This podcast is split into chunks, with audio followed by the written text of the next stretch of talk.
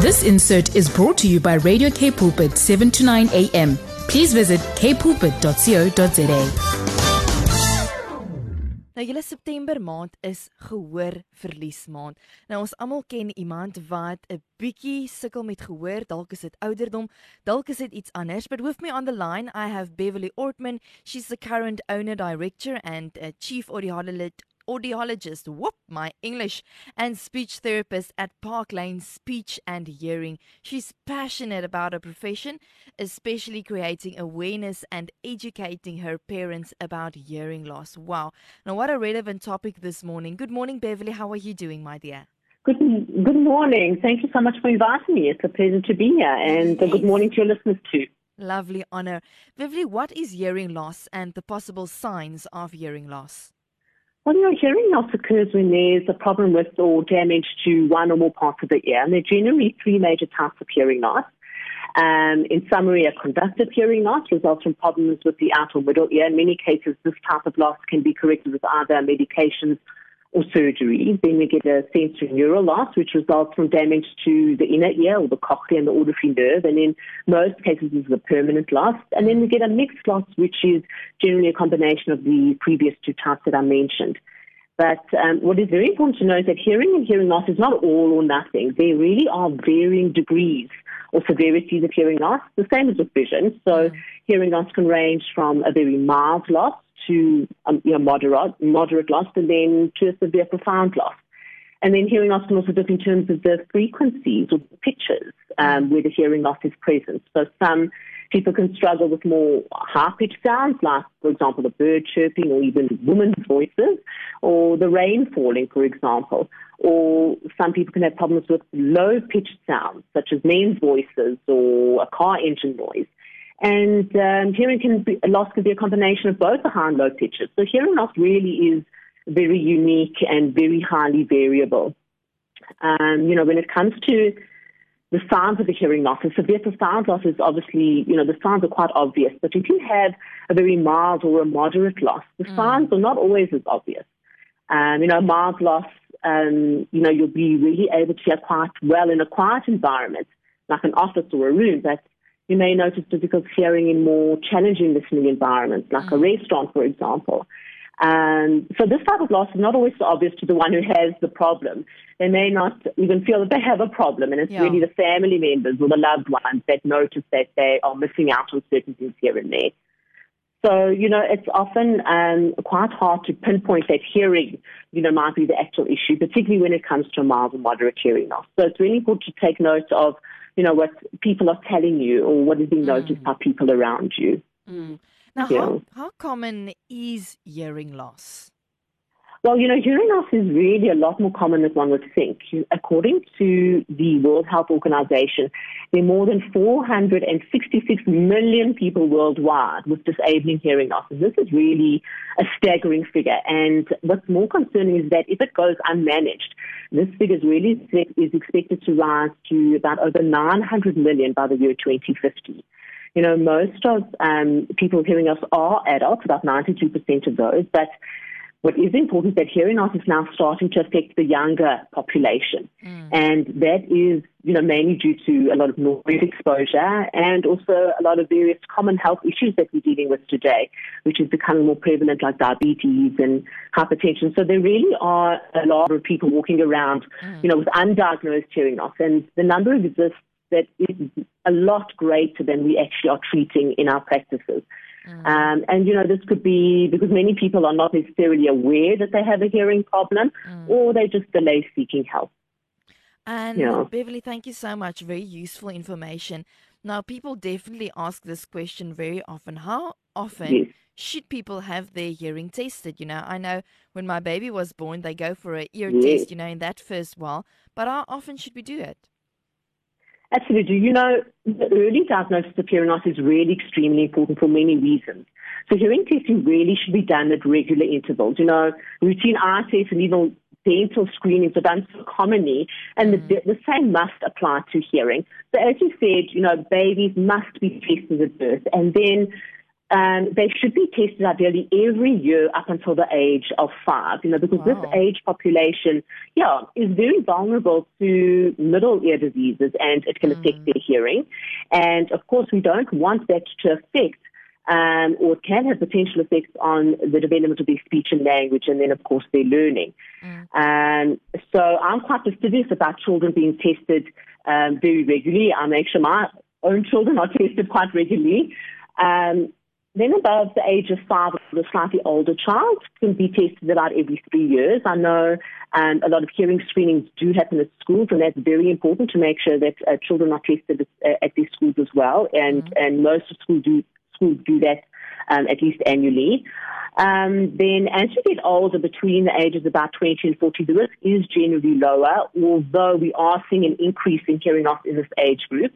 But, you know, as an adult, I would say every five years would be um, a good estimate of when you should have your hearing tested. But from, say, 50 years and above, hearing testing should ideally or routinely be done every, say, two years or so because this age group, hearing loss becomes much more common, obviously due to the natural aging process. But, mm. you know, once a hearing loss has been identified at whatever age, annual testing, testing should be done, you know, because we need to monitor the progression of the loss and also be able to make sure we uh, have optimal management of that hearing loss.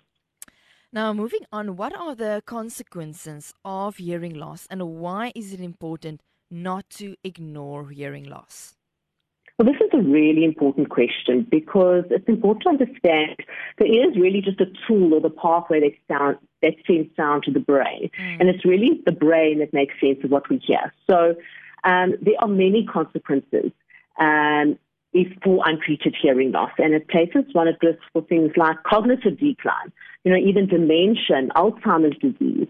Um, people can suffer from general life problems like social isolation, and that, of course, can lead to things like depression because people avoid social, social situations or gatherings entirely. Mm. Um, untreated hearing loss can also affect a person's balance, and that can increase the risk of fall-related injuries, which is, of course, a particular concern in the older population. Um, you know, when somebody has a hearing loss, and you know, even if it's a mild loss, the brain really has to work so much harder to try to fill in the gaps and guess what is being heard, yeah. that it really increases what's called the cognitive load on the brain. So often your patients will complain of being really tired at the end of the day. They'll have headaches, mm. and they generally have less, you know, mental capacity left over for other things at the end of the day.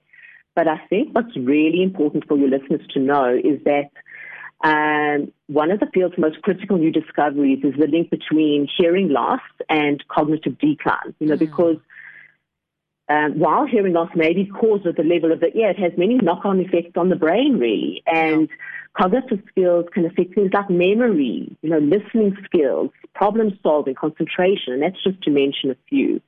And it's also been found that the more severe your hearing loss, the greater your risk yeah. for mental or cognitive decline. Um, and it's really quite scary because um, the risk for even a mild hearing loss is twice as much um, uh, for cognitive decline, three times as much for moderate loss, and up to mm. five times as much for those with severe hearing loss. So this is really, really, really scary.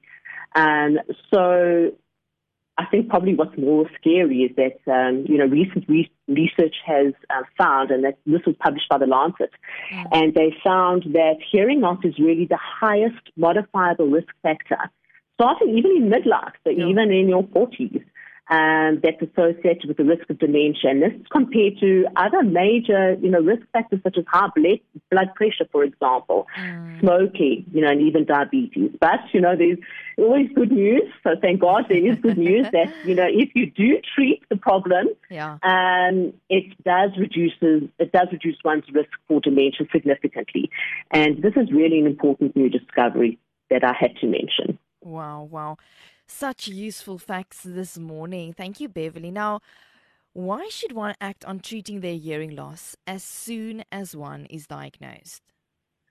So, you know, we know that the nerves of the brain really do have the ability to adapt and learn, and this is termed um, neuroplasticity. And this is best achieved um, with early intervention. So research has shown that the sooner your hearing loss is treated, the really the better it is for your brain.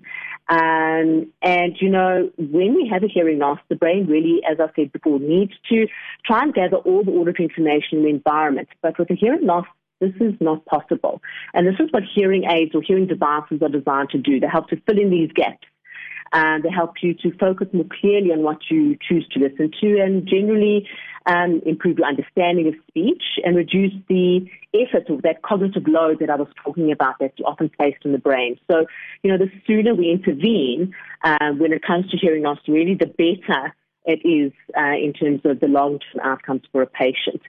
Um, I'm not sure if I'm able to relate a, a personal story um, mm. regarding a patient of mine. Yes. Um, I I have a patient who's in her early 30s, and she came to see me about a month ago, and she had um, a long-standing hearing loss in both ears, but she really never wanted to do anything about it. She, you know, was fully aware of the problem, yeah. but over the years, she really just couldn't come to terms with wearing hearing aids, and so I managed to convince her to try them, mm. and I fitted her about two weeks ago. While we were busy with the fitting, she was wearing the hearing aids, um, but all of a sudden she just burst into tears. She really wow. was so emotional.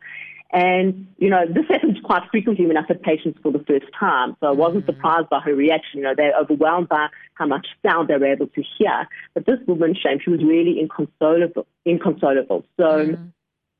eventually I was able to calm her down and explore her reaction a bit further. And she said she was just so overjoyed, but she was also completely devastated. Mm. And she said that you know, she was so devastated that she hadn't done this years ago. Sure. And she said she felt that she had wasted so many years of not hearing and missing out on what people were saying. And it was most importantly that that constant anxiety she felt and hesitation mm. of being around people and not being able to hear them mm. that had really plagued her, you know, for so long. Mm. And she felt that those years were a waste. And I think this is an important message to relate to the listeners, especially, you know, the, long, the younger listeners, yeah. you know, who might be experiencing the same thing. Wow.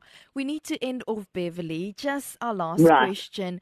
What would be your suggestion to someone who's concerned that they might have a hearing problem and are apprehensive about doing something about that, like you just mentioned?